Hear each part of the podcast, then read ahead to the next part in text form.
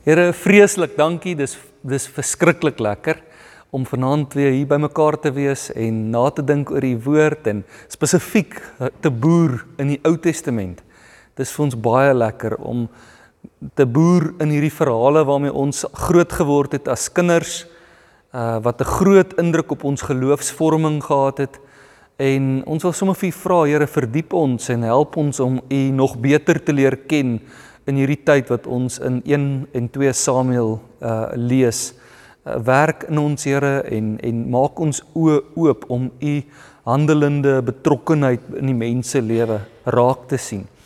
En ek wil bid vir vanaand ook Here dat u sommer hierdie geleentheid sal seën en vir spesifiek is ek wil ek sommer bid dat dit omdat dit bekende verhale is, wil ek tog bid vir 'n varsheid en 'n andersheid, ietsie wat uh wat selfs hierdie hierdie broers en susters van my wat lief is vir u woord en wat eintlik al soveel langer baie van hulle 'n pad met u stap as wat ek doen dat dit selfs vir hulle ook nog steeds lekker sal wees en leersaam sal wees om hierso te wees.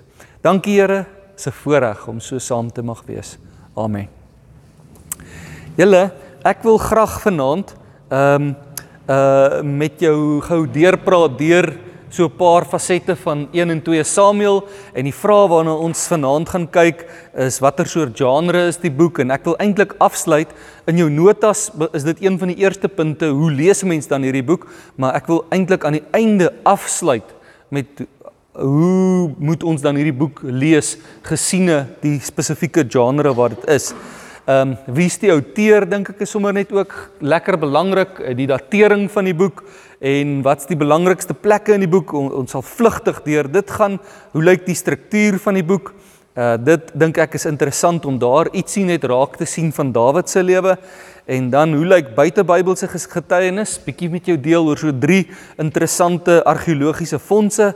En dan ja hoe hoe lees 'n mens die boek? Dit sal daarmee sal ek graag wil afsluit. So ek gaan probeer om af te wyk van die notas Ehm um, dat dit darm so bietjie ook interessant is vir jou dat jy nie voel jy kon maar net sowel by die huis gebly het en die notas gelees het nie. En ek koop regtig dat dit vir jou lekker sal wees, stimulerend sal wees en uh dat dat dat mense hier wegstap en net voel die Bybel is nog mooier, nog dieper as wat 'n mens gedink het, né? So, kom ons val weg. Dankie, Christa, waardeer dit, man. Kom ons val weg en ons vra vir mekaar watter soort genre is die boek. So ietsie oor die literêre aard van 1 en 2 Samuel. Uh as ons vra hoe pas dit in die groter prentjie van die Bybel in waar hoe hoe pas dit in, né? Dan gaan ons sê in die Joodse Bybel. En ons moet nou nie praat van die Joodse Ou Testament nie. Hulle het nie 'n Ou Testament nie, dis net die Bybel. In die Joodse Bybel het ons al gesê dit staan mos bekend as die Tanakh, né? En die Tanakh is mos ehm um, 'n uh, uh, uh, eintlik 'n akroniem, die TNK, onthou jy? Is mos ongevokaliseerd TNK en die T staan vir die Torah en die N staan vir die Nevim en die K staan vir die Ketuvim.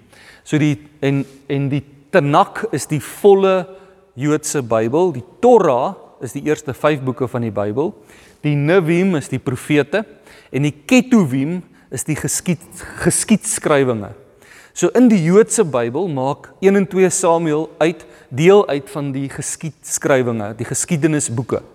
En ander boeke wat jy nou hiermee saam sou kon lees is 1 en 2 Konings, uh Kronieke, uh maar hulle het hulle eie aard en dikwels sal jy sien byvoorbeeld met Kronieke uh sal hy byvoorbeeld minder genooi wees om die sondes van die leiers uit te lig soos wat hy soos wat 1 en 2 Samuel doen. 1 en 2 Samuel se teks is baie lief daarvoor om openlik broos te praat oor die leiers se sondes, soos Batseba en so aan.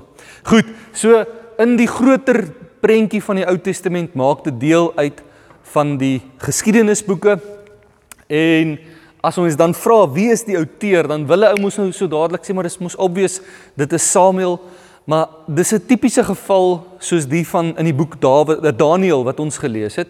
Wat jy nie heeltemal seker is, is dit het die boek sy naam gekry omdat dit die outeur is of omdat dit 'n hoofkarakter is nie. Uh want in die geskiedenis het hierdie boek eintlik al verskeie ander name gehad. Byvoorbeeld toe die boek uh aanvanklik vanuit die Hebreëus uit oorvertaal is in die Grieks so rondom 130 voor Christus, die Septuaginta. Uh toe het die boek sy sy naam gekry 1 en 2 uh koninkryke. En tot en met op daai stadium was die boek 1 en 2 Samuel eintlik een lang boekrol. En toe hulle dit oorvertaal het in Grieks in, het dit vanweë die lengte moes hulle hom gesplit het in twee boekrolle en toe noem hulle hom 1 en 2 koning, koninkryke. En toe het die twee boeke rolle voort is dit dis toe oorgeneem toe die Bybel later weer oorvertaal is in Latyn, die Vulgaat. Toe bly hy twee boeke. Maar daar het hy weer ander name gekry. En toe op 'n stadium toe keer hulle terug na 'n Joodse tradisie, 'n ou Joodse tradisie wat gesê het dat nee Samuel is die outeur en so dis gepas dat die boek die die naam dra van Samuel. Maar Samuel kan nie die alleen outeur gewees het nie want ons lees mos nou al binne in hierdie boek 'n 1 Samuel eintlik om die waarheid te sê, mos nou van sy dood. So iemand anders te moes ook geskryf het aan hierdie boek. Nou die die manier hoe ons uh of waar hierdie Joodse oorlewering vandaan kom dat Samuel een van die outeurs is ten minste vind ons onder andere in 1 Kronieke 29 vers 29 waar daar staan die geskiedenis van koning Dawid van begin tot einde is opgeteken in die geskrifte van die siener Samuel die van die profeet Nathan en die van die siener Gad alles oor sy regering, sy heldedade en die tye wat oor hom, oor Israel en oor die koninkryke van die aarde heen gegaan het. Nou, so vanuit hierdie opmerking in Kronieke lei ons af met ander woorde wat het Samuel moeite gedoen om Dawid se geskiedenis neer te pen, so ook Nathan. Nathan is daardie profeet wat Dawid tromp opgeloop het toe hy 'n uh, oorspel gepleeg het en dan ook Gad En hierdie drie ouens het ten minste 'n aandeel gehad in die neerpen van die van die geskiedenis. Samuel was nogal 'n besonderse mens en al was dit dat die boek sy sy naam gedra het nie omdat hy die outeur was nie net omdat hy so kenmerkende mens was dan was dit ook geregverdig want dis nou een van die min mense wat so veelsidig in die geskiedenis was. Hy was 'n profeet geweest. Die die Bybel beskryf hom as 'n profeet en as 'n rigter soos Samson en ook as 'n as 'n priester. So hy was 'n besonderse 'n besonderse leiersfiguur in Israel. So dis nie dis nie onmoontlik dat die boek sy naam gekry het net omdat Samuel so uiters belangrike rol in die geskiedenis gespeel het nie. Maar as jy my druk en sê, maar sê nou vir my wat dink jy, hoe waar kom die naam vandaan? En lyk dit tog vir my Dit dit is omdat die boek teruggekeer het na die ou Joodse tradisie dat Samuel ten minste een van die eerste outeurs was wat gehelp skryf het aan hierdie boek. Later ook Nathan ook Gad, maar ons kom nou by die by die uh outeurskap. Kom ons sê, jy weet ons trek hom altyd so 'n maksimale benadering en 'n minimale benadering en ons probeer so onderskei sonder om etikette om mense te se nekke te hang soos om te sê die fundamentaliste sal glo of die liberale ouens sal dit glo want ek dink dit is dis ongesond. Nou so kom ons sê op die heel beste, op die heel beste. Die maksimale benadering. Sal 'n mens sê Samuel, Nathan en Gad het dit geskryf. Maar daar is probleme. OK. Byvoorbeeld het ons nou gesê Samuel gaan nie sy eie dood kan verhaal nie. Daar's ander vrae wat ook as ons hierdie standpunt alleen huldig, dan is daar ander vrae wat ons sukkel om te antwoord. Soos om te sê, uh ons kom agter daar's ons baie keer dubbele verslaggewing binne in die binne in hierdie bundel van Samuel se boeke. Is daar baie keer dubbeld stories vertel. Saam Saul word byvoorbeeld twee keer verwerp deur ehm um, verwerp deur uh Samuel. Dawid word twee keer voorgestel aan Saul. Een keer as 'n musikant en 'n ander keer weer as 'n as 'n oor as 'n as 'n vegter. En dis vreemd. So as jy net hierdie standpunt huldig, dan bevredig dit nie heeltemal nie. Na die ander uiterste toe, die minimale benadering vind jy so dit is dit sal weer weer mense wees wat baie baie skepties krities kyk na die Bybel. Hulle gaan uh, hulle gaan vashou aan hierdie teorie, die JEDP teorie. Nou, jy hoef niks hiervan te onthou nie, dis net vir die interessantheid. Goed. Ek gaan dit net baie baie vlugtig vir jou verduidelik. Onthou jy mos verlede keer toe ons Matteus gedoen het? Het ons hierso so 'n blaaibord gehad en toe het ek vir jou hierdie prentjie geteken om vir jou te wys wat is die teorie hoe Mat, hoe Matteus en die evangelies hulle bronne gekry het. Hulle het almal gewerk van Markus af, beide Matteus en Lukas het gewerk van uit Markus uit en dan is daar 'n ander bron wat intussen verlore gegaan het, die Q-bron. Net soos wat ons vir jou gewys het mos in Johannes is daar mos 'n wonderwerkbron gewees, né? Onthou jy daai ding van die eerste en tweede wonderwerk en derde wonderwerk, maar tussenin sien jy is daar opmerkings dat Jesus ander wonderwerke ook gedoen het. So daar was 'n wonderwerkbron, maar hier was ook 'n 'n kwelbron gewees. Ag en toe het ons gesê so dan was daar ook nog eie materiaal wat Matteus en Lukas uh, bymekaar gehark het. So hierdie skets was om te vir jou te wys party mense gaan en gaan doen navorsing oor hoe het die finale produk soos wat in ons skote beland het. Hoe het hy tot tot so vorm tot stand gekom? En dan probeer hulle die onderskeie redakteurs se hand en se redigeringswerk uitmekaar uithaal. Net om te sien hoe die teks ontwikkel. OK. Ehm um, dis baie interessant. Ons kan dalk nog daarby uitkom vanaand hoekom dit belangrik ook is. Maar dit was met die Nuwe Testament te maak. Wanneer ons dan praat oor die Ou Testament en spesifiek die Pentateeg, dan vind jy hierdie ding wat hulle noem die JEDP teorie. En waarvoor dit staan is dit is vier letters die en dit is waarskynlik of vier mense of vier groepe mense wat priesters was of skrifgeleerdes was. En hoe jy hulle redakteurshand kan raak sien in die Pentateeg is aan die hand van of hulle belangstellings waarop hulle uitbrei of die taalgebruik wat hulle gebruik. En met die taalgebruik iets wat hulle verklap is die woorde wat hulle gebruik om God mee te beskryf. So ek dink dis baie realisties om te sê as ons van vanaand ehm um, elkeen 'n gebed sou neerskryf, né? Definitief sou jy dit by my kon agterkom. En ons verdeel die briefies weer na die tyd dat jy sou kon agterkom, sê nou maar dis jou gesinslid se se briefies ook hierso, dat jy sou kon agterkom wie van jou gesin het hierdie briefie geskryf. Want elkeen van ons het 'n sekere manier om die Here aan te spreek in ons uh in ons gebedslewe. Um ek weet my sussie is lief daarvoor om te praat Papa God. Um 'n ander goeie vriend van my. Ja, is altyd vir my so lekker om langs hom te wees as hy bid. Hy hy het so kinderlike manier van sê Here Jesus, Here Jesus, daai twee gooi hy altyd so langs mekaar. Here Jesus. Iemand anders te sê dalk is dalk geneig om te sê Abba Vader. Ehm um, ek onthou in as ons in die sendingveld is, ja, dit is almal so lekker as jy so saam met 'n groep ander gelowiges bid en jy hoor hulle sê tata tata morena Jesu, tata morena en hulle kap hom nou dan hoor jy net so hoe passievol hulle ook pleit by die Here, né? So ons het al elkeen van ons het hierdie het hierdie benaminge wat ons gebruik vir die Here as ons met hom praat of oor hom praat.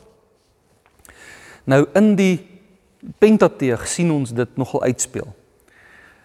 Sekere van hierdie redak redakteure het geliefkoeste name gehad vir die Here. En die J bron het was baie lief vir die naam Jahwe. So dit was die Jawiste. En waar daar vertellings is van Jahwe, kan jy weet dit was die Jawis redakteur wat waarskynlik hierdie gedeelte afgerond het. Nie nie noodwendig geskryf het van die begin af nie, maar die finale afronding gedoen het. Die E, die E is die Elohiste.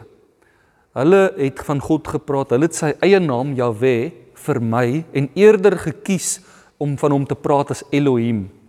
Mooi naam.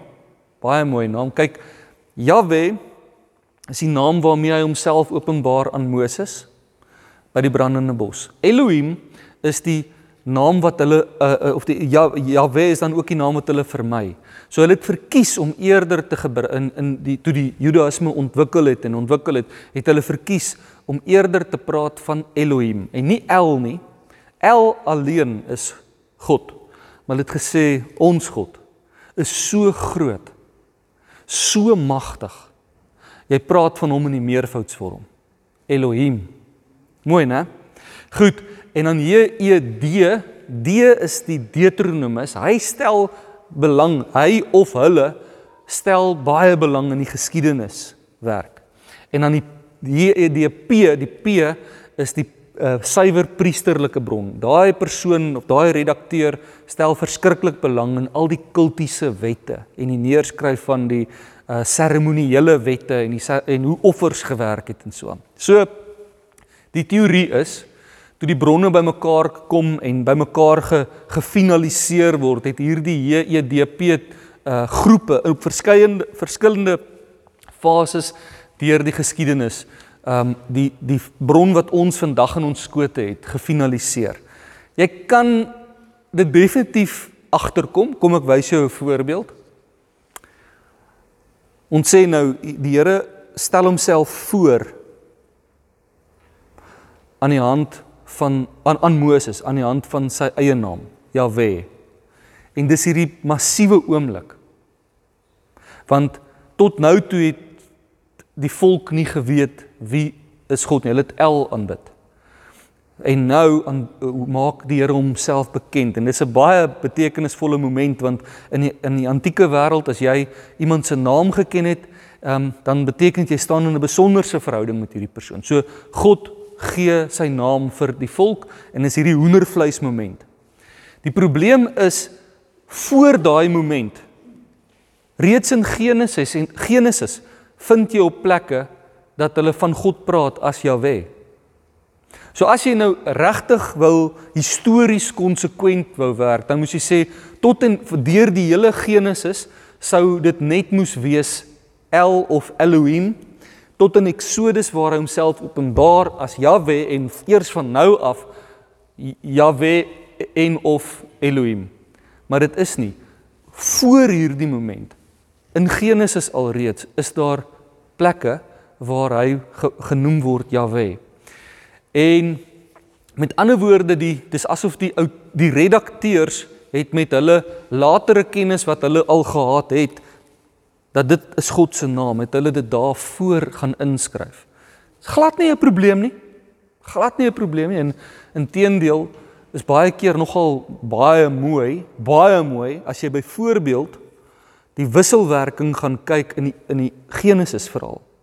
Jo, julle doen jouself daai guns tussen hierdie naam van Elohim en die Jahwes waar die slang die mens versoek. Telkens sal die verhaal, die ene wat aan die skryf is of die ene wat aan die praat is, sal van Jahwe praat. Maar telkens wanneer die slang praat, dan praat hulle net van El, van Elohim. Dis asof as as die as die slang die versoeking aan die mens wil opdis, dan wil hy bietjie afstand skep en dan wil hy intentioneel nie God op sy eie naam noem nie om die verhouding, die naby verhouding tussen die mens en en God 'n bietjie op uh, uit te doof sodat die versoeking makliker is om om om te gryp. En uh, op die ou einde trap die mens in die gat en hy begin die slang na te praat en hy begin ook te praat van Elohim in plaas van Jahwe en dan uh, eet hy die vrug. So dit dis baie dis pragtig, ja. Ongelukkig nie. ek het so kursusse wat iemand aangebied het oor 'n klomp oor die name van God. Hulle daar's iets so 635 name. Ja. Ja, dit is En dit dis alles maniere waarop hy homself bekend maak aan En is. ons sien dit nie. Jy moet jy moet iets hê wat dit vir jou wys. jy is reg.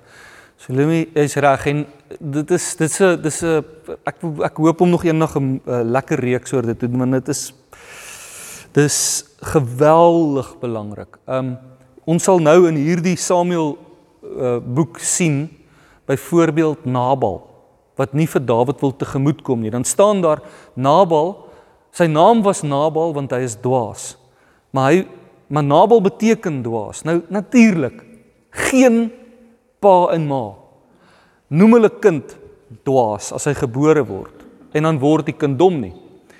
Eerens deur hierdie kind se lewe, jong mens lewe, het hulle het hy gedrag geopenbaar dat hy impulsief is, dat hy kort van draad is en die mense het hom begin noem Nabal. OK. So name volg altyd jou karakter in die Bybel. Name sê ietsie van jou karakter. Nou, as dit waar is van mense, soveel te meer is dit waar van God. En dan begin God homself bekendstel as Jahwe wat 'n pragtige sinspeling is van woorde van wat ek is wat ek is. Dit is 'n dis 'n 'n naam wat sinspeel op die ewigheidsdurendheid van van God Elohim, die die meervoudsvorm van hom. Ag Jahwe, Jahwe Rofeka. Ek is die God wat genees. Uh El Shaddai. Ek is die uh, al, uh God almagtig. Nou, oh, ek ek wyk nou baie af van ons tema af, maar net byvoorbeeld ons wonder wat beteken El Shaddai? Wat beteken God almagtig? baie van ons sal sê dit beteken dat hy op enige oomblik op enige oomblik net 'n wonderwerk kan doen. En dit is dit kan sekerlik so wees. Maar shad by, byvoorbeeld, die shaddai is 'n woord wat gebruik word of vir berge of vir borste. En as jy nou ooit gesien het hoe 'n ma 'n babatjie wat die baba wil niks weet. Daai baba huil, Niemand kry daai babatjie stil nie. En die ma vat die baba aan haar bors en hy word net pap en rustig. Dan is dit 'n ongelooflike uitbeelding van El Shaddai dat ons by God is soos 'n kind aan sy bors. En dan kan die storms maar hoe woed sonder dat hy eers wonderwerke doen. Ons is veilig by hom want hy's El Shaddai. So Name, o oh, julle, die name van die Here. Ek kry hoendervleis. Dit is baie belangrik. Goed. Terug by JEDP teorie. Ons sien met ander woorde dat hierdie priesters priestergroepe het geliefkoeste name gehad wat hulle gebruik het vir die Here en dit verklap hulle aandeel binne in die finalisering van die bron. Nou die hierdie teorie sê dat die eerste ehm um, redigeringswerk het omtrent 1000 voor Christus gebeur. Toe het hy so ontwikkel, ontwikkel, ontwikkel, ontwikkel en toe die laaste redigeringswerk is eers hier omtrent by 400 voor Christus gedoen. Nou so terug by jou outeurs probleem hierso.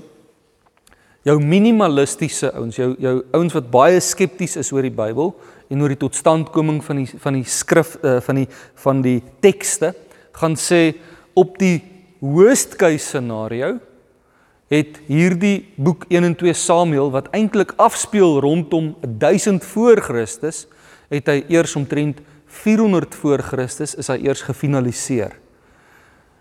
Hy nou as dit ehm um, nie as dit nie ge, ge, verpak word hierdie hierdie argument nie, nê. Dan is die agterdeur wat dit ooplos, die suggestie wat dit los by 'n breë publiek is dat dit is verskriklik laat. Daar kon verskriklik baie stertjies intussen op ingevoeg geword, né? Nee. Teen 400 voor Christus is daar nie meer ooggetuies wat gesien het wat gebeur het teen 1000 voor Christus nie. So hierdie ouens het dalk hulle eie goed ingeskryf en so aan.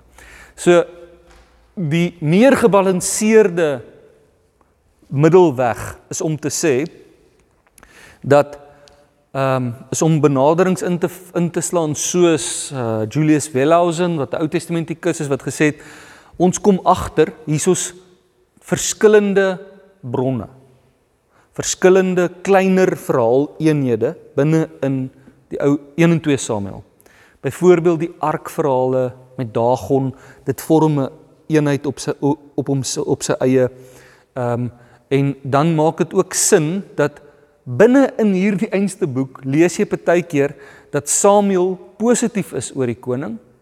Dis op die bevel van God dat hy die koning salf. Maar dan later in die boek dan sien jy maar uh hy veroordeel eintlik die Israeliete dat hulle 'n koning vra want dis opstand teen God. So wat dit is is jy het verskillende bronne gehad, verskillende invalshoeke en 'n uh, 'n vroeë tradisie was waarskynlik negatief oor die koning gewees en 'n latere tradisie of 'n oorlewering was meer positief gewees. Die redakteurs het hierdie materiaal gevat en hulle wou dit alles saam uh, omdat hulle wou noukeurig wees en deeglik wees en nie goeters uitgooi of hulle eie sentiment afforceer op die teks en ander goeie squash nie, verwerk hulle alles saam dat dit vir ons vandag lyk amper soos 'n soos 'n teenstrydigheid binne in dieselfde teks. Maar dis omdat hulle dit meesterlik in een skryf en redig, redig, redigeer en vir ons aanbied. So die gebalanseerde weg sal wees definitief Samuel, Gad, Nathan wat 'n hand in dit het. Na dit verdere redakteurs en moontlik tot baie laat totdat die teks 'n uh, uh, finale vorm aangetref het maar indien die die JEDP teorie waar is dan beteken dit nie dat dit so laat in die geskiedenis eers ontstaan het nie. Dit is 'n uh, dit is toe eers gefinaliseer. Eers gefinaliseer. Goed. So kan ek aangaan? Uh die datering met ander woorde hierso sommer net 'n lekker interessante manier van die geskiedenis uitmekaar uithou. OK. En dit is as jy werk met 4 P's en rondom en jy speel met 500s. Dan kan dit jou nogal help om die om die Israeliese geskiedenis so uitmekaar te hou. So, die patriarg fase is so 2000 tot 1500 voor Christus. En dit is toe Israel, streng gesproke kan jy amper nog nie eens praat van Israel nie want hulle was nog nie 'n volk nie, maar toe is toe die toe die hierdie familie gelei was deur die aardsvaders, deur die patriarge Abraham, Isak, Jakob tot en met Josef. Die volgende fase was die profeetfase van 1500 tot 1000 voor Christus. Israel word hier gelei deur die profete soos Moses, Samuel, profete wat ook rigters genoem is. Nou, soos so Samuel, die Simsons, die Gideons en so voorts. Toe die prinsfase geforseerd, dis eintlik die koningsfase van 1000 voor Christus tot 500 voor Christus. Israel word deur die prinse of die konings gelei. Dit sal wees Saul tot Sedekia en dan van 500 voor Christus tot Christus se tyd word dit word die volk gelei deur priesters. En uh, so dit help jou om die, om die om die verskillende fases op 'n baie grouwe manier uh uh uitmekaar te hou. Dis natuurlik net by benadering so, maar dit help 'n ou nogal. En ons het mos al gesê as jy al hierdie name bymekaar het, Abraham en Samson en Sedekia en Saul en hoe, hoe kry jy al hierdie name uitgesorteer dat jy 'n getallelyn kry? Jy begin, jy hoef nie een van daai datums te onthou nie. Die belangrikste datum to, om te onthou wat vir jou amper 'n anker is wat jy alles voor of na dit kan resorteer, is 1000 voor Christus. Dawid is 1000 voor Christus koning. En nou help dit jou om as jy die vorige ene in gedagte hou, Samuel speel af, die boek speel af in die tyd waar daar 'n oorgang is van 'n van die rigtertyd, van die profeettyd na die koningskapstyd. Hulle wil 'n koning hê. So met ander woorde, dit moet voor 1000 voor Christus wees. Hierdie boek speel af tussen 1010 en 79. Lees ons van die opkoms van Samuel, van Saul en van Dawid. So die boek speel daar af en hy's gefinaliseer min of meer daar. Die ryk het mos geskeur Josia tempel uh weer die tempel begin um vernuwe. So daar word hy word die boek gefinaliseer, nie ge, ge, geskryf nie, maar gefinaliseer. Goed. Die plekke ek dink nie ek gaan nou veel daarop ingaan nie. Jy het daai kaart binne in jou notas. So ek gaan bietjie ander e, ek wil eerder uitkom by Goliat hulle. Die struktuur, ietsie wat vir my daar net mooi was. As jy daai struktuur gaan kyk, ehm um, vir my moet ek jou regtig sê ek ek vermoed dis ek wat vreeslike genot put uit 'n struktuur uit en nie noodwendig jy nie.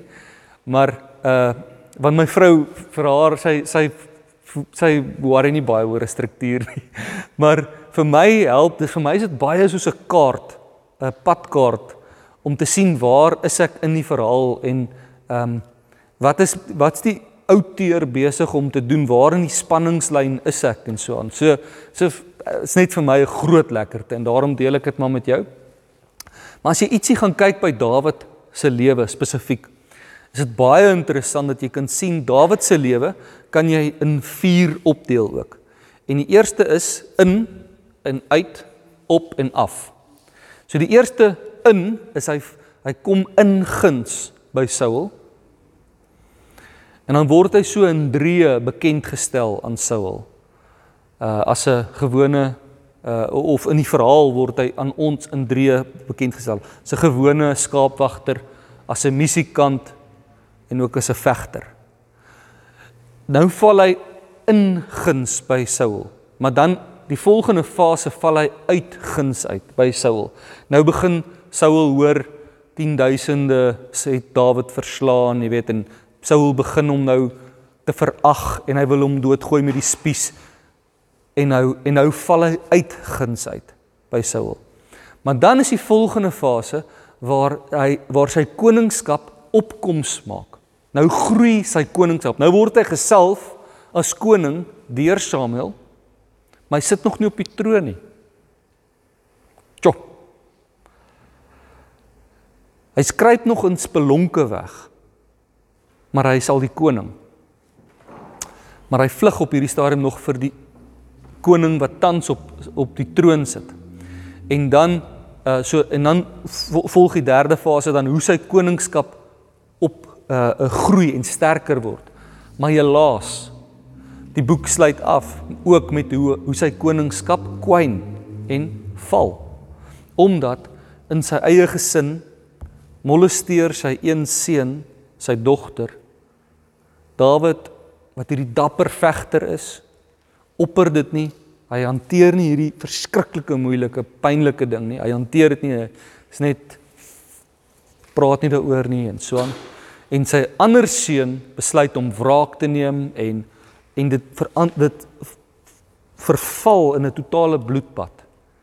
En so tragiese tragiese einde. En jy stap weg van die boek af en jy dink, "Joh, Dis so hoë ideale gehad vir 'n menslike leier. En dan eh, so, maar dit help jou vir my help dit my om te plot waar in Dawid se lewe is 'n mens. Goue opmerking of twee sommer net oor dit. Dit is 'n baie belangrike analogie wat 'n mens kan gebruik om te praat oor hoe God ook regeer in ons lewens vandag. Ehm um, Ons het in die Nuwe Testament so 'n ding wat ons noem already but not yet. Die Heer Jesus Christus het verlossing bewerk. Ons sit met hierdie met hierdie teleurstelling dat ons dit nog nie hierdie verlossing sien deurbreek elke liewe dag nie. En dan kan jy moedeloos raak en jy kan begin twyfel daaraan want ons sien dit nie. En dan sit baie nuttige analogie om jou terug te neem na Dawid se verhaal toe en vir jouself af te vra. God het Dawid gesalf as koning. Nadat hy gesalf is as koning, kruip hy nog weg vir Saul. En op 'n stadium kruip hy vir Saul in 'n in 'n in 'n spelonk weg. Terwyl Saul gaan ontlas daar. Soos 'n weird scenario wat geskets word. Vra jouself af, daar waar Dawid in die donker te sit. Is hy koning of is hy nie koning nie? Wat dink julle? Ons identiteit, ons is in Christus. Ja. Ons sien dit nog nie. Maar in God se oë, in God se oë is hy die koning.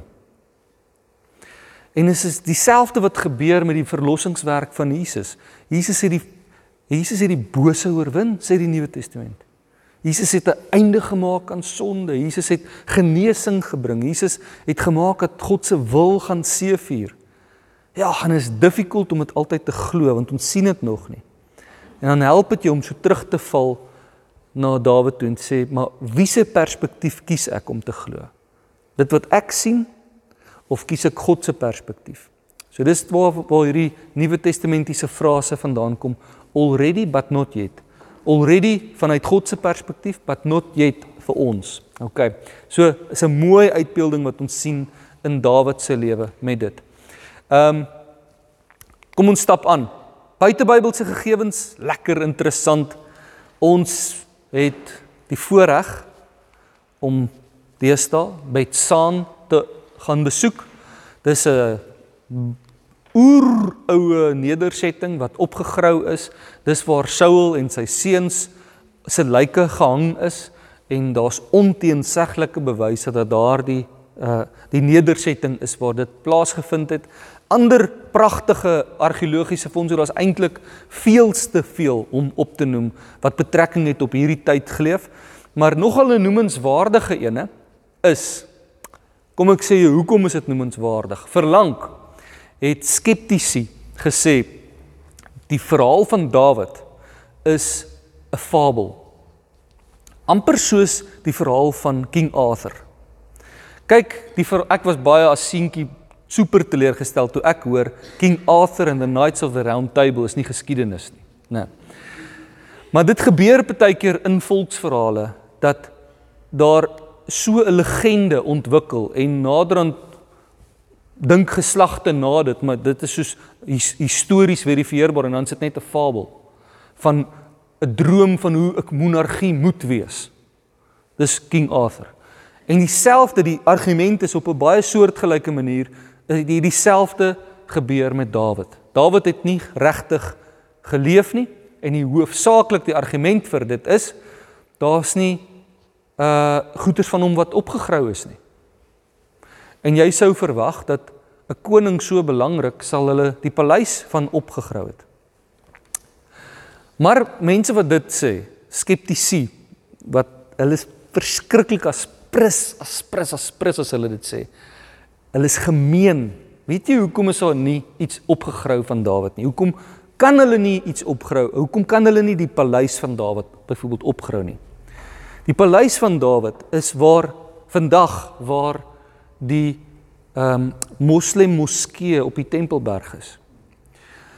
Die moslems dink baie anderste as ons en as die Jode oor argeologiese opgrawings. Verskriklik anderste. En elke moslem site ehm um, toneel of grondgebied weier hulle argeologiese opgrawings. Hulle sal jou wragtig doodmaak as jy daar 'n grond 'n graaf in die grond spit. So dit is onmoontlik om op te grawe waar jy goed van Dawid gaan vind, Dawid se paleis gaan vind, want dis waar die dis waar die moskee is. So dis totaal en al onbillik om te sê, maar jy het nie goeders van Dawid gevind nie en daarom bestaan hy nie. En dis 'n baie swak argument. Hulle noem daai argument the absence of evidence is not the evidence of absence. Nee. Uh en toe gebeur die interessante. Verlang was daai ding 'n gunsteling sê ding van skeptici. Ja, maar jy het nog niks gesien van opgegrawe van Dawid. Net soos wat ons toe ons Daniël gedoen het, het julle onthou. Die skeptici het dit ook gesê ja, maar hulle het nog daar's nie 'n soort so stad soos Babel nie, né? En toe grou hulle die stad op met wit gepluisterde mure. En dieselfde gebeur toe met argeologiese fondse met betrekking tot Dawid. 1994 byvoorbeeld, on, dis baie baie onlangs het hulle hierdie by Tel Dan, dis 'n ander provinsie. Kom ons noem dit 'n ander provinsie in Israel. Uh, hulle noem dit 'n stele. Ehm um, dis amper soos 'n monument wat in in die antieke tyd gebruik het. Daar's baie sulke antieke steles om oorwinnings en so aan uit te beeld en die geskiedenis op op te skryf en hierdie tel dan stele maak baie uitdruklik melding van ehm um, van die huis van Dawid. En hy dateer is dit 850 wat het ek daar in die notas geskryf? 850 voor Christus. Met ander woorde, dit moet die direkte nageslag van die van van van Dawid wees. Die direkte nageslag wat hierdie op betrekking het. So met ander woorde, ons praat hier van ooggetuies. Hulle gaan nie hierdie ding in in 850 voor Christus van 'n ehm 'n 'n monument maak as daar nie ouens is wat hierdie stuk geskiedenis kan verifieer nie. Nog interessanter vir my is in die streek van die stad Gat wat 'n Filistynse gebied was wat ons lees die vegter Goliat vandaan kom. In 905 uh, eh, is uh, nee, uh, in daai streek grou hulle doen hulle opgrawings en grou hulle pots 'n potskerf op wat dateer uit 950 voor Christus. En op hierdie potskerf is daar uit op hierdie potskerf is daar uitgekerf die naam Goliat. Dit is super veelzeggend. Dit sê vir ons rondom 1000 voor Christus in die tyd wat Dawid moes koning word, was daar in die Filistynse stede 'n baasvegter wat so bekend was en soveel mense beïndruk het dat hulle hom vereer het op hulle potte. Dis vir my is dit te tel vir goeie goeie getuienis. En dit dateer uit die streek wat die Bybel sê, naamlik gat en dit dateer uit die tydperk wat die Bybel sê. So 'n super akkurate getuienis hierdie. So, daar's baie ander buitebybelse opgrawings wat intussen gevind is en wat mense hier kan staaf. Dis vir my so lekker te. Ag, daar's hoe hoe die argeologie die Bybel ehm um, uh die Bybel ondersteun en en en sê maar ons het nie hierso te make met legendes of fabels of mites nie. Ek wil terugkom hooplik na Goliat se verhaal, maar kom ons sluit af eers met hierdie hoe lees mens hierdie boek? Jou een metode sou wees anekdotes, anekdoties. Wat daarmee bedoel word is Kom ek kom ek sê so ek gaan vir jou sewe maniere noem en nie een van hierdie sewe maniere is verkeerd nie. Van hulle dink ek sal arm wees, maar dis nie een per se verkeerd nie. Jy het 'n opsie om 1 en 2 Samuel anekdoties te lees. Dit sal wees vir kinders gaan dit wees op 'n baie eenvoudige vlak. Hulle word opgewonde as hulle lees van hoe Sa hoe, hoe Dawid met sy slingervel die reus plat neergeval het. Dis mooi. Op 'n volwasse vlak gaan jy na die verhale kyk en jy gaan sien dit is li, li, van literêre gehalte want die outeurs het met baie min woorde baie gesê gekry. Soos van 'n van van 'n literêre van hoogstaande gehalte. Byvoorbeeld die die verhaal van Dawid en Goliat. Kort verhaal, maar so baie detail met so min woorde wat hulle reg krimp te sê. So, maar dit dit dis waar jy dit los, dat jy bewonder die literatuur en jy sê, "Sjoe, dis netjies gedoen." Die ander een is op 'n eksistensiële manier. Dit sal wees Iemand wat sê ek het leiding nodig, Here. Praat met my. Uh jy slaan dit oop, jy lees deur hierdie verhaal en jy vat die ding jy jy jy spandeer nie nou tyd om die konteks te bestudeer of so nie. Jy probeer net rigting kry vir jou lewe nou. Ondersteunend ook of bemoedigend. Jy's deur 'n verskriklike tyd, jy word oor die hoof gesien by die werk, ehm um, vir 'n vir 'n bevordering, maar jy lees hier raak dat Samuel eers na almal anders gekyk het van Dawid se broers en toe het die Here net gesê nee hy nie nie hy nie nie hy nie totdat hy vir Dawid sien en jy jy voel die Here ondersteun jou hy sê hy kyk nie na die buitenste nie en um, hy hy sien jou raak. So iets nou is dit verkeerd? Nee dis nie verkeerd nie. Dis nie noodwendig nou die bedoeling van die teks nie maar dis nou hoe die Here met jou kan praat. Definitief glo ek dit. Biografies. Jy probeer 'n karakterskets trek van Dawid en van Saul.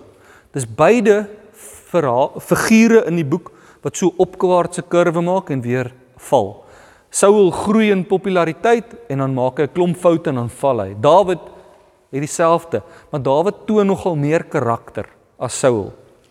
So jy sou so karakterstudie kon doen en vanuit die biografiese inligting wat ons het en amper 'n sedelesie vir ons gee en sê ons sien hoe belangrik dit is om eerlik te wees of om gehoorsaam te wees of so ietsie. Niks aan my verkeerd nie. Maar dit dit stop ook kort van wat ons nog kan doen. Sosiaal sou dit wees wat leer ons in hierdie mense se verhoudings?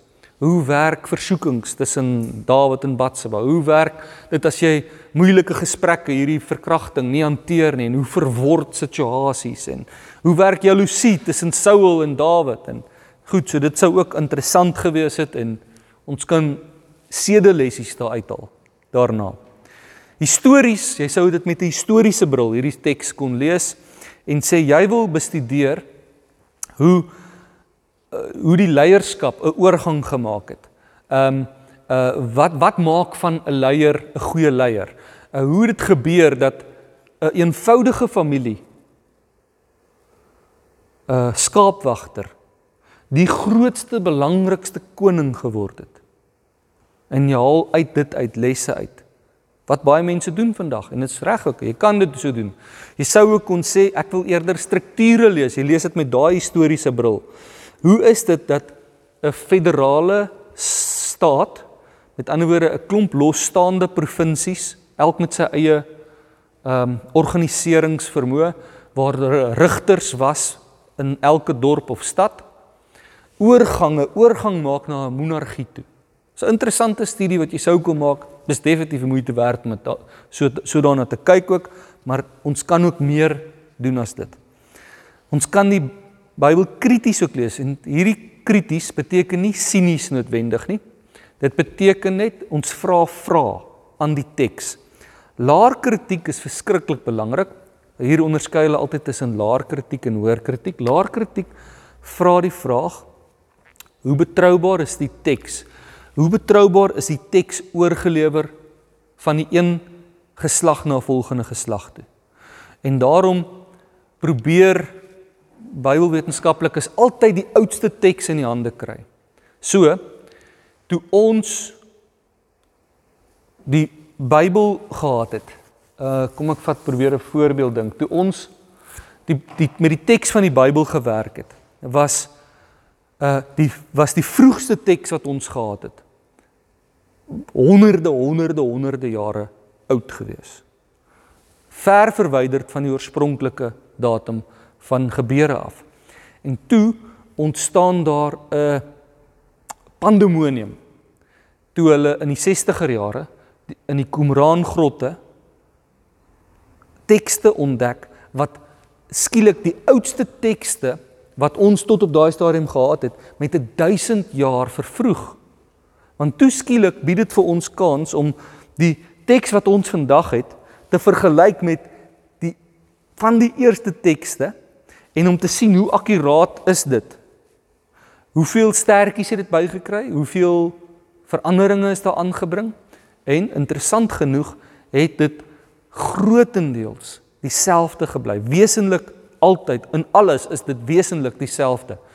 Uh en jog, dis so interessante studie. Dis in 'n tyd nog hierdie wat die teks nog nie gekanoniseer is nie. So die teks was nog soepel geweest. So die ouens wat oorgeskryf het, het maklik um eie woorde gebruik om 'n verhaal in te kleur. En selfs met daai soepelheid van die van daai fase het hulle baie nougeset gebly by die wese van 'n verhaal tot dit totdat hy so, so laer kritiek bestudeer hoe betroubaar is die teks. Hoër kritiek is 'n bietjie meer sinies. Hoër kritiek gaan sê jy weet ek ek lees hier van 'n seun wat 'n reus gaan fight. Om jy te begin reuse het nie bestaan nie. En om hom te gooi met 'n klip en hy dood, jy weet dit klink net so hoër kritiek is baie meer sinies. Wat is geloofwaardig? Wat is rasioneel verantwoordbaar? Goed, Ons sou dit ook kon vra aan die teks. Ons hoop om nou-nou daar daarby in te gaan. Teologies is 'n beter vraag. Wat leer ons oor God? En die een interessantheid, en dis amper een van die temas wat die heeltyd uitkom in hierdie boek is uh by by in van 1 en 2 Samuel is hierdie wetywering van koningskappe en koningskappe en koningskappe en op die ouene stel selfs Dawid wat hierdie by wie ons hierdie hoë am, ambisie gehad het dat hy die regte koning gaan wees, hy stel te leer. En dan kom jy agter maar tog is dit eintlik asof as jy terug staan, dan kom jy agter maar die Here het sy wil die heeltyd laat geskied en hy is die eintlike koning. Ten spyte van al hierdie aardse konings, hy's die koning. Hy laat sy wil geskied. Rudolf het verlede Sondag so mooi beeld gebruik, nê, van die die toebroodjie. Die twee snye brood met die uh kom ons maak dit die ham in uh, tussenin, nê. Dit hier's 'n klomp gebeur 'n klomp verkeerde goeters wat ons kan sê vir die bose is, maar dis asof die Here dit so kanaliseer tussen die twee spore dat sy wil uiteindelik geskied. So en dis een van die goeters wat ons leer van uh God binne in hierdie teks. Jy sou dit selfs en dis 'n wonderlike plek om te eindig, maar jy sou self 'n treukie verder kon gaan en sê hoe wys hierdie teks heen na Jesus toe. Want ultimately is dit Ou Testament en ultimately mag ons dit nie net lees soos Jode nie. Ons moet tog ook op iets anders uitkom. En kom ons vat byvoorbeeld 'n verhaal soos Dawid. Ons sluit nou daarmee af. Dawid, ek is ek brand verskriklik om Sondag daaroor te preek, maar So hier is 'n voorsmaakie. As ek daaroor gaan preek, gaan ek hierdie vir jou sê, maar dis verskriklik verskriklik interessant. Jy moet my nou net vergewe asseblief. Ek ek dis nie my intensie om 'n kinderbybel prentjie van jou te verwoes of die hok daarvan te skud nie. Maar in die kinderbybel sien ons dat en en selfs in in in ons gewone Bybels lees ons dat Dawid die reus gegooi het met die klip teen die voorkop en sy kop toe afgekap het. Daar's 'n klompie probleme met die teks. Ehm um, Byvoorbeeld, kom ons vat hierdie woordjie. Daar's 'n woordjie in in die verhaal van Dawid wat hulle vertaal met met sag. Nou met sag kan jy vertaal. Hy kom twee keer in die teks voor, in Dawid se teks voor. Jy kan hom vertaal met brons skerm. Maar en dis inderdaad hoe hy vertaal word. Maar dan elders in die teks word hulle word hy vertaal met voorkop om geen of an, geen rede nie. Waarskynlik omdat mense gevoel het maar dit maak meer sin. Hoekom sal die ou val as dit 'n bronskerm is waar teen die klippie getref het? Dit moet tog die voorkop wees. Maar as ons hou by die lesing dat dit geval was teen die voorkop, uh en uh, uh, dat die klippie die voorkop getref het en dat die reus van dit dood is, is daar 'n klomp goed wat nie sin maak nie. Byvoorbeeld, die teks sê die reus het vooroor geval. En as jy nou net weet mos nou hoe werk momentum as die klip hom van voor af tref, dan gaan hy agtertoe mos na val, nê. Nee, so dit maak nie sin dat die teks dan sê hy val toe vooroor nie. Verder as daar jagters onder onder ons is, weet jy, 'n ding moet baie baie vinnig gaan voor hy penetreer. En so hy gaan nie net 'n skedel penetreer nie, né? So die beter lesing van die teks sou jy kon regtig, jy kan kies om nog steeds te glo, daar's nie iets sommer verkeerd nie, om te glo dat Dawid die reus getref het in die voorkop. Maar jy daar's 'n geldige ander lesing wat sê dat Dawid die klip gegooi het en dit het die bronsskerm gepenetreer. Nou werk hy konsekwent met die vertaal met die woord. Nou vertaal hy konsekwent. En die bronsskerm het toe gelok. As hy lok en hierdie groote lompe reus, wat gaan nou met hom gebeur? Hy gaan vooroorval.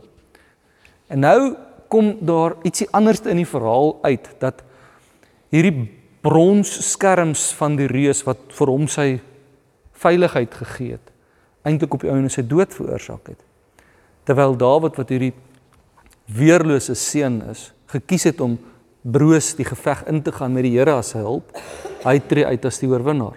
So is ietsie beautiful wat hy uitspeel. Beautiful beautiful. Hoor kritiek sal sê om jy te begin moet ons die tafel dit van die tafel afvee want daar's nie reuse nie.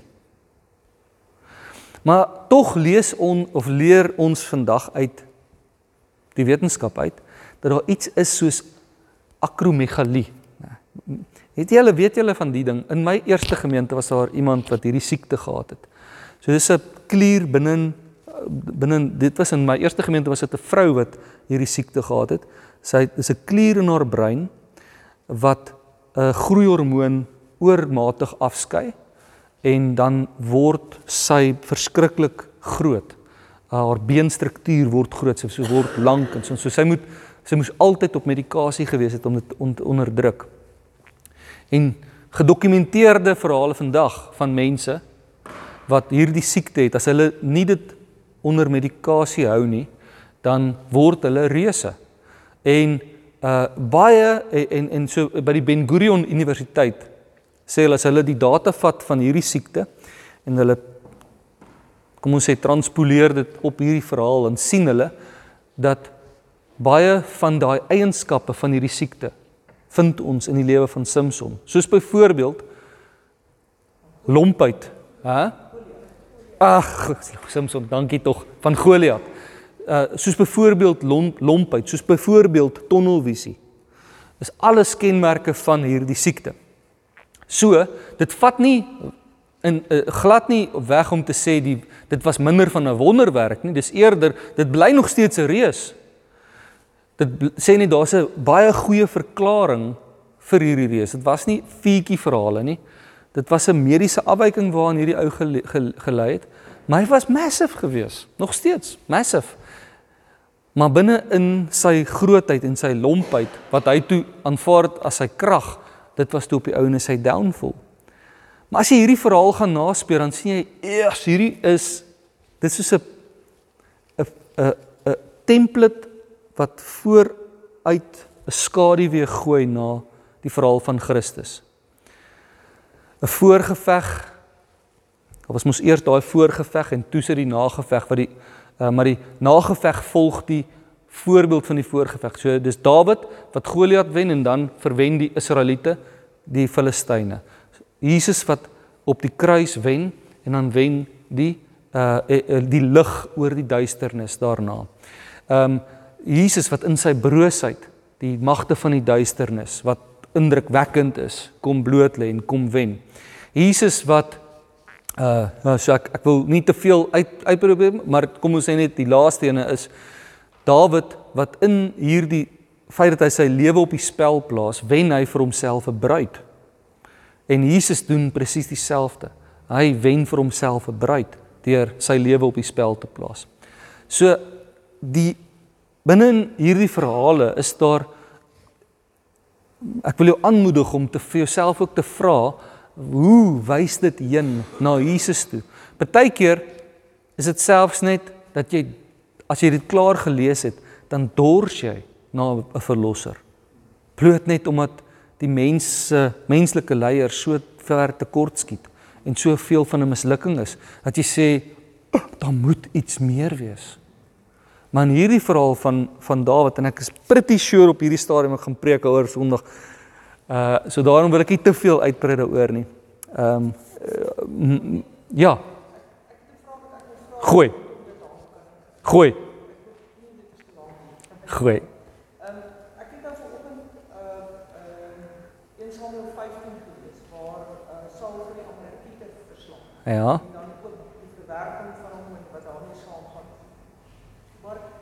Mm. Want die Amalekiete, die rede wat hulle aanvoer daar is, die Amalekiete het ons teen gestaan wat ook al toe die Israeliete um, ja. uit, uit Egipte gekom het. Dit is net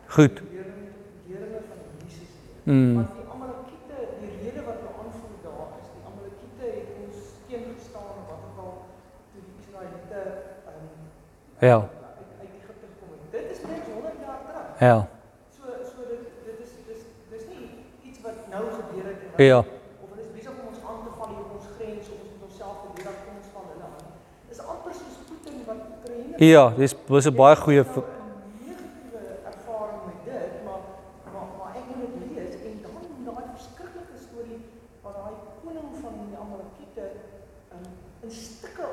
Hmm. Ja. Ehm um, en ek het geskryf in my in my hmm. ek maak my.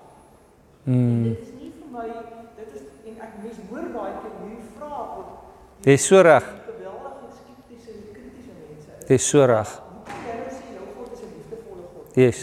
Hoe kan jy sê dis Jesus openbaring vir ons? Ja. Yes. Maar Jesus is dan nou heeltemal anders as as wat hy Yes. Sjoe. Dit is 'n verskriklike goeie vraag. So jy vra nou moet dit nie te lank maak. So, ek gaan baie vinnig probeer antwoord, maar dit sê jy jy's so regs. Salome, dit is een van die klassieke aantuigings ehm um, die geweld in die Ou Testament. Een van die maniere hoe ek dit sal aan so daar's nie net een antwoord nie. Een van die maniere hoe ek dit vir myself klein kry is baie van dit is hiperbool. So jy sal byvoorbeeld lees in Rigters van die dat die Israeliete hierdie Amalekiete almal doodgemaak het en van die aarde af verwyder het, weet, en net verdelg het. Twee hoofstukke later, dan lees jy weer van die Amalekiete. Dan besef jy dit was 'n hiperbool. Dit maak dit nie nie erg nie, dit ma maar dit sê wel almal is nie vermoor nie. Dit was 'n manier om ehm um, te praat om die ergheid van die geveg dalk uit te beeld en so aan, maar dit beteken nie daar was volksmoord gewees nie. En dit is ietsie anderste. Die tweede so so hoor julle daai uh, as ek as ek sê die hele Pretoria was op loftes, dan is dit nie die waarheid nie. Daar was vrek baie mense op loftes, maar almal was nie daar nie. So as ons sê daar was 'n geveg met hierdie nasie en hulle is almal voor die voet uitgeroei. Dan sê dit was dit was 'n bloedige geveg geweest. Maar dis nie 'n volksmoord nie. in daai hoofstuk 15 sê die Here vir hulle dis wat hy doen. Nou my ander om op dit nog te reageer. Ehm um, ek ek en mense wat kom ek sê mense wat ek lees sal sê ons is ons betwyfel of die Here regtig dit gesê het. En of mense in hulle sondigheid en in hulle eie haat nie woorde in die Here se mond sit nie. En dit goeders aan hom toedig en sê sny die diere se hakskene af en en hulle gaan te ver en hulle dig iets toe aan die Here wat nie aan hom toegedig moet word nie. Ek sal dit eintlik as die laaste argument wou sê. Ek sal eerder nog tussen dit 'n ander argument wil sê en sê kom ons moet ook pas op om nie met vandag se die luksheid van vandag en vandag se morele waardes 'n antieke samelewing te beoordeel nie. En so die die realiteit is net die hierdie mens hierdie twee nasies het uh, nie net twee daai twee nie maar hierdie groepe mense het mekaar waaragtig doodgemaak. Jou lewe was nie soveel werd gewees nie. Nie joune nie, nie jou kinders se nie, niks was die niks was waardevol nie. So jy maak of dood of jy word doodgemaak. En dit is 'n probleem vir ons in ons tyd om uit die luksheid van vrede terug te kyk en 'n oordeel te vel oor hoe bloeddorstig hulle was. Dit is amper soos wat ons sinema sal sê die pioniersoorlog hier in Suid-Afrika. Dit was verkeerd geweest. Was dit was verkeerd geweest. Ons weet dit. Maar wat op dese aarde doen jy as jy in hierdie bees het huisie sit uh uh plaashuisie sit en die kosas storm op jou af. Hoe reageer jy? Wat doen jy? Hulle hulle gaan jou doodmaak vanaand. En dis net super ehm um, onregverdig om dan te oordeel en en hierdie uitsprake te maak maar dit was lelik geweest en dit was dit mense het gefight vir survival. OK. So Ek ek ek ek het so groot probleem daarmee ja. Want want ek kan nie verstaan ek dink ook wat ek nou hoor by jou en wat vir my in in in in argumente gevoel kan word is dat jy sê met vandag se morele waardes is maar net seker verskriklike morele waardes vandag. Maar die die goeie morele waardes van vandag kom eintlik alles van Jesus af. Mm. Kom eintlik alles van die van van van van die evangelie. Mm. En en en en dis dis met daai hy het gekom en hy het kom verander. Ja. En en dis hoekom hy gekom het. So ek kan ek ek kan daarmee vrede maak maar maar dit is daai selfde God Ja. wat die wat die opdragte gee en so aan wat vir my Ek is nie vergemaklik om te sê dis dieselfde God nie.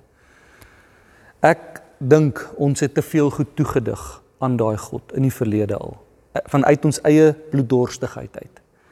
En daarom sal vir my die veiligste manier is om te sê en prof Adriu Kini gesê dit, so ek weet ek is in goeie geselskap as ek dit sê. Die Bybel is nie 'n plat skyf soos 'n pizza. En dan vat jy uit die Bybel uit waarin God homself openbaar aan ons en sê so is ek. Dan jy kan nie vanuit die Nuwe Testament 'n slice pizza vat en sê ek hou van hierdie slice en dan sit jy hom terug en dan vat jy weer uit die Ou Testament 'n slice uit nie. Die Bybel werk nie, dis nie 'n plat skyf nie. Die Bybel se selfopenbaring van God loop eerder soos 'n piramide.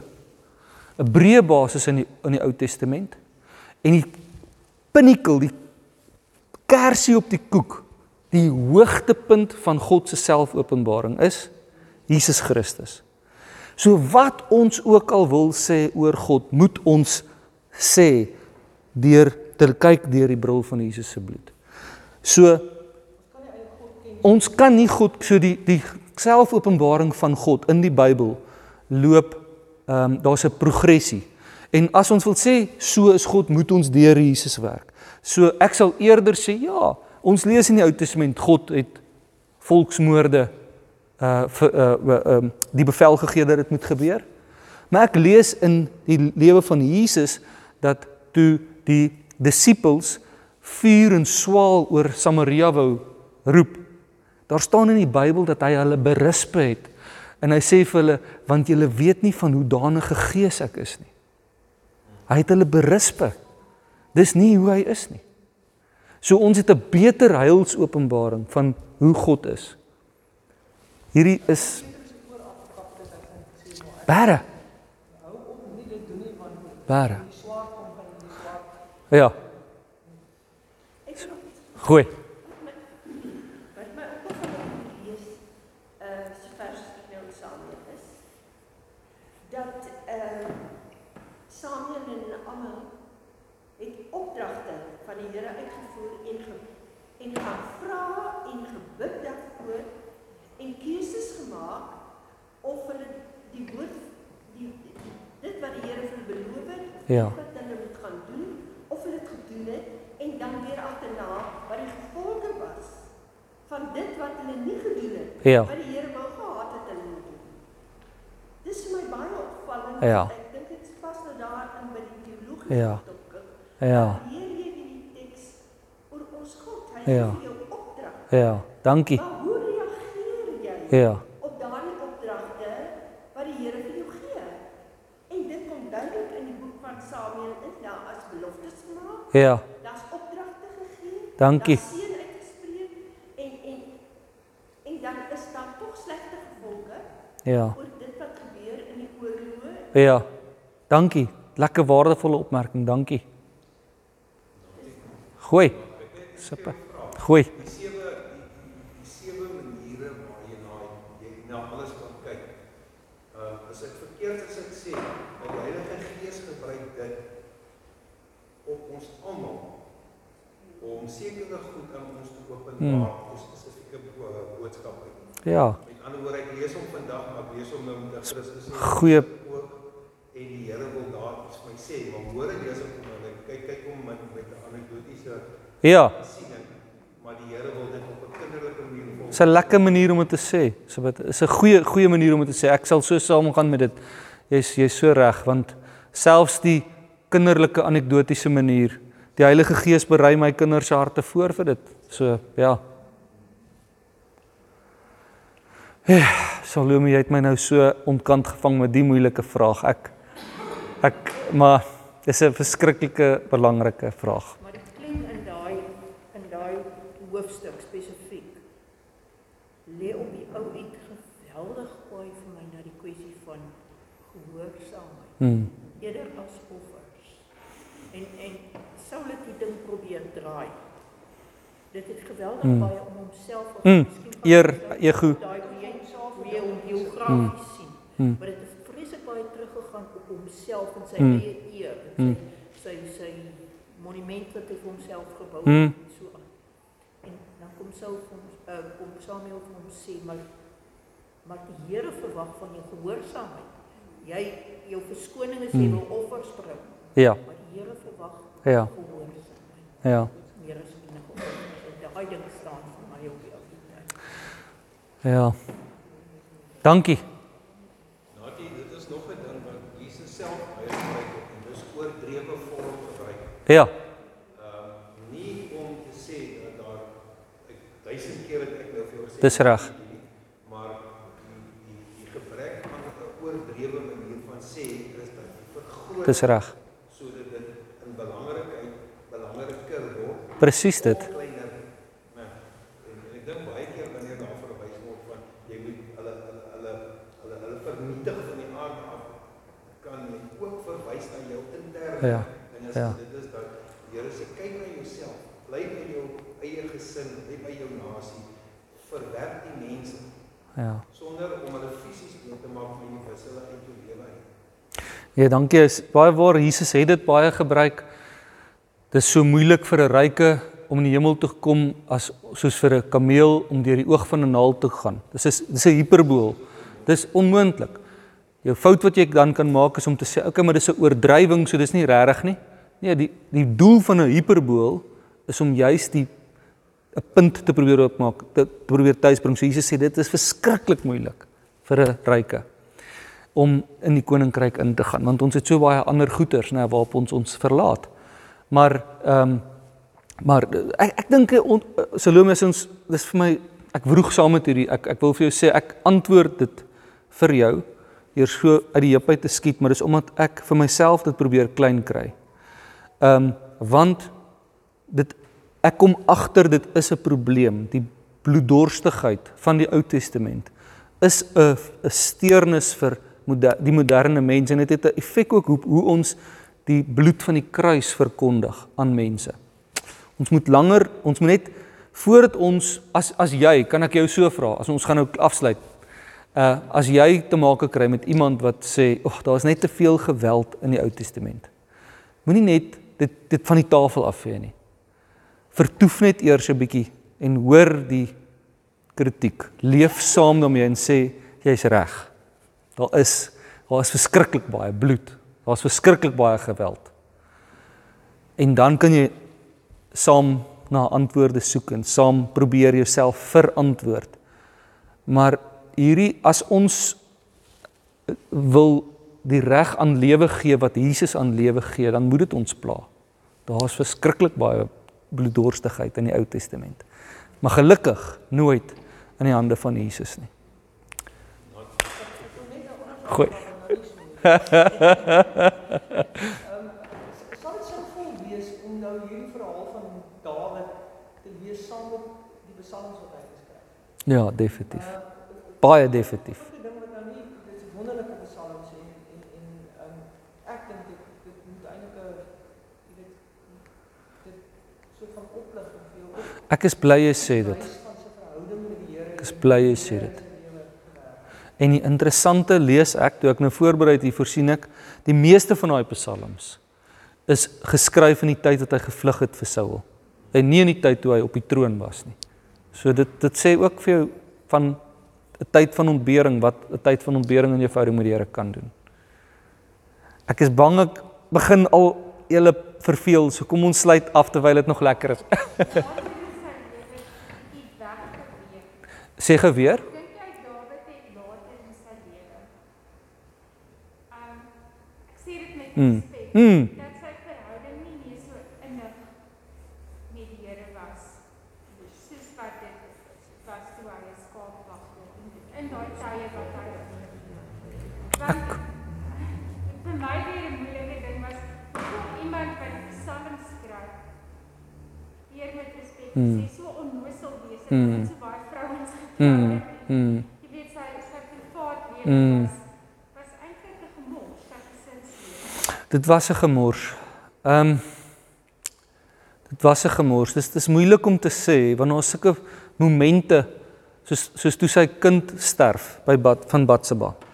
En dit vertel van hoe hy op die in die paleis net gekom het en net gaan neergeval het op die vloer en net gehuil het. Dan beleef ek asof ek jy weet die teks so vol emosie. Ek, ek kan nie anders as om hierdie ou net so jammer te kry nie. Ehm um, as ek dink aan die verhale waar toe die ark ingebring is en hoe hy dans tot so mate so uitbundig, so bly dat hy kaal dans. Hy kom eers agter hy's kaal nie en toe vervies sy vrou mos haar vir hom dat hy nou 'n spektakel maak van homself. In dit voel dit vir my ek sien ietsie van sy hy, hy hou nie terug nie. Hy hy kan so uitbundig lief wees vir die Here. Ehm um, en tog gaan ek jou gelyk gee en dink ek daar was dat mag na sy kop toe gegaan het. Gerief het na sy kop toe gegaan. Ek dink so ek van wie is dit nie waar nie, né? Ons Ja. Jammer, ek dink hy's stupid. Ja, ja. Dis Ja. Nee, ek ek sal ek ek stem met jou saam. Ek dink is so dis so mixed bag. Ek miskien is dit die beste manier om dit te antwoord. Dis 'n mixed bag. Jy kan jy jy sien hierdie trekke van opregtheid en jy sien hierdie trekke van pff, hoekom het jy dit gedoen? Maar dis alles 'n spieël van ons lewe. Ons, dis ons. Dis ons. Dis ons. Ek ek wonder net met met Dawid en ek sien baie in vandag se lewe waar iemand in 'n leiersposisie so buite sy karakter optree en gedoen of gedwing voel Ja. om buite sy karakter op te tree omdat hy dink dat die samelewing dit van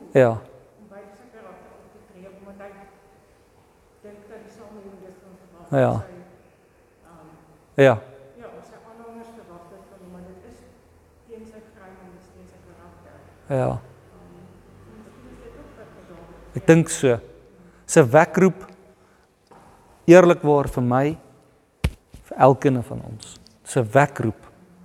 Se wekroep. Egtheid, genuinheid. Ek dink net al hierdie stories wys vir jou dat ons met mense werk. Met menslike neigings, met Ja. menslike uh uh, uh geaardhede. En in elk geval en laat dit vir ons 'n les wees van wanneer jy begeesterd is om Hmm. optree, maar wanneer jy nie is en daaruit kan jy terug. Hmm. Net soos jy nou Dawid nou maar opbring. Hmm. Ek bedoel, Hy was op daai hoë uh, uh, punt van van geestelikheid en in sy en sy en sy en sy sy wees met die Here en net so laag het hy gedaal Ja. ons almal en tog het die Here hom nie verwerp. Dit is die genade, né? Dit is die genade. 'n man na God se en, hoe kan hy dit doen as die man aan sulke stupid Ja. doen? Maar ons doen elke dag so. So met Ons ander moet woorde onthou die Die Here sê vir ons dat ons het 'n kans. Ja. Die Here sê vir ons ons Ja. het 'n kans. As hulle dit gehad het, ons het ons ook. Ja, dankie julle. Kom ons bid saam. Here, dis vir my baie lekker om saam met hierdie groepie medegelowiges vir my te wees en te hoor hoe elkeen prosesseer en dink oor u woord en wat dit vir ons beteken en die vrae wat dit ook in ons losmaak is so bruisende energie vir my. Dis vir my verskriklik lekker. Dankie vir vanaand. Dankie ook vir u woord.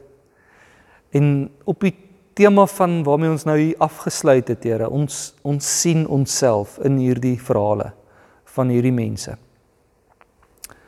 Ons sien onsself. Dis 'n spieël vir ons, Here. En uh dit laat my dink aan die woorde wat ek vandag gelees het dat elkeen van ons is meer sondig as wat ons besef, maar ook meer geliefd as wat ons ooit kan weet. Help ons om dit te vat vir onsself. Help ons ook om die lesse wat ons hier uit leer uit hierdie verhale ook te vat, naamlik om eg te bly, om naby aan U te bly, opreg te bly. Help ons daarmee, Here. Dankie vir my medegelowiges vanaand. Dit is my regtig lekker saam met hulle en om saam so deur die woord te stap. Amen. Dankie julle. Bedoel dit. Dankie vir julle vrae en prosesering. Dit dit help my ook so baie. Nou gaan ek terug en dan bly die gesprekke die hele tyd in my kop. Ek ek love dit hoor. Dankie julle hoor. Ek geniet julle meer as wat julle weet.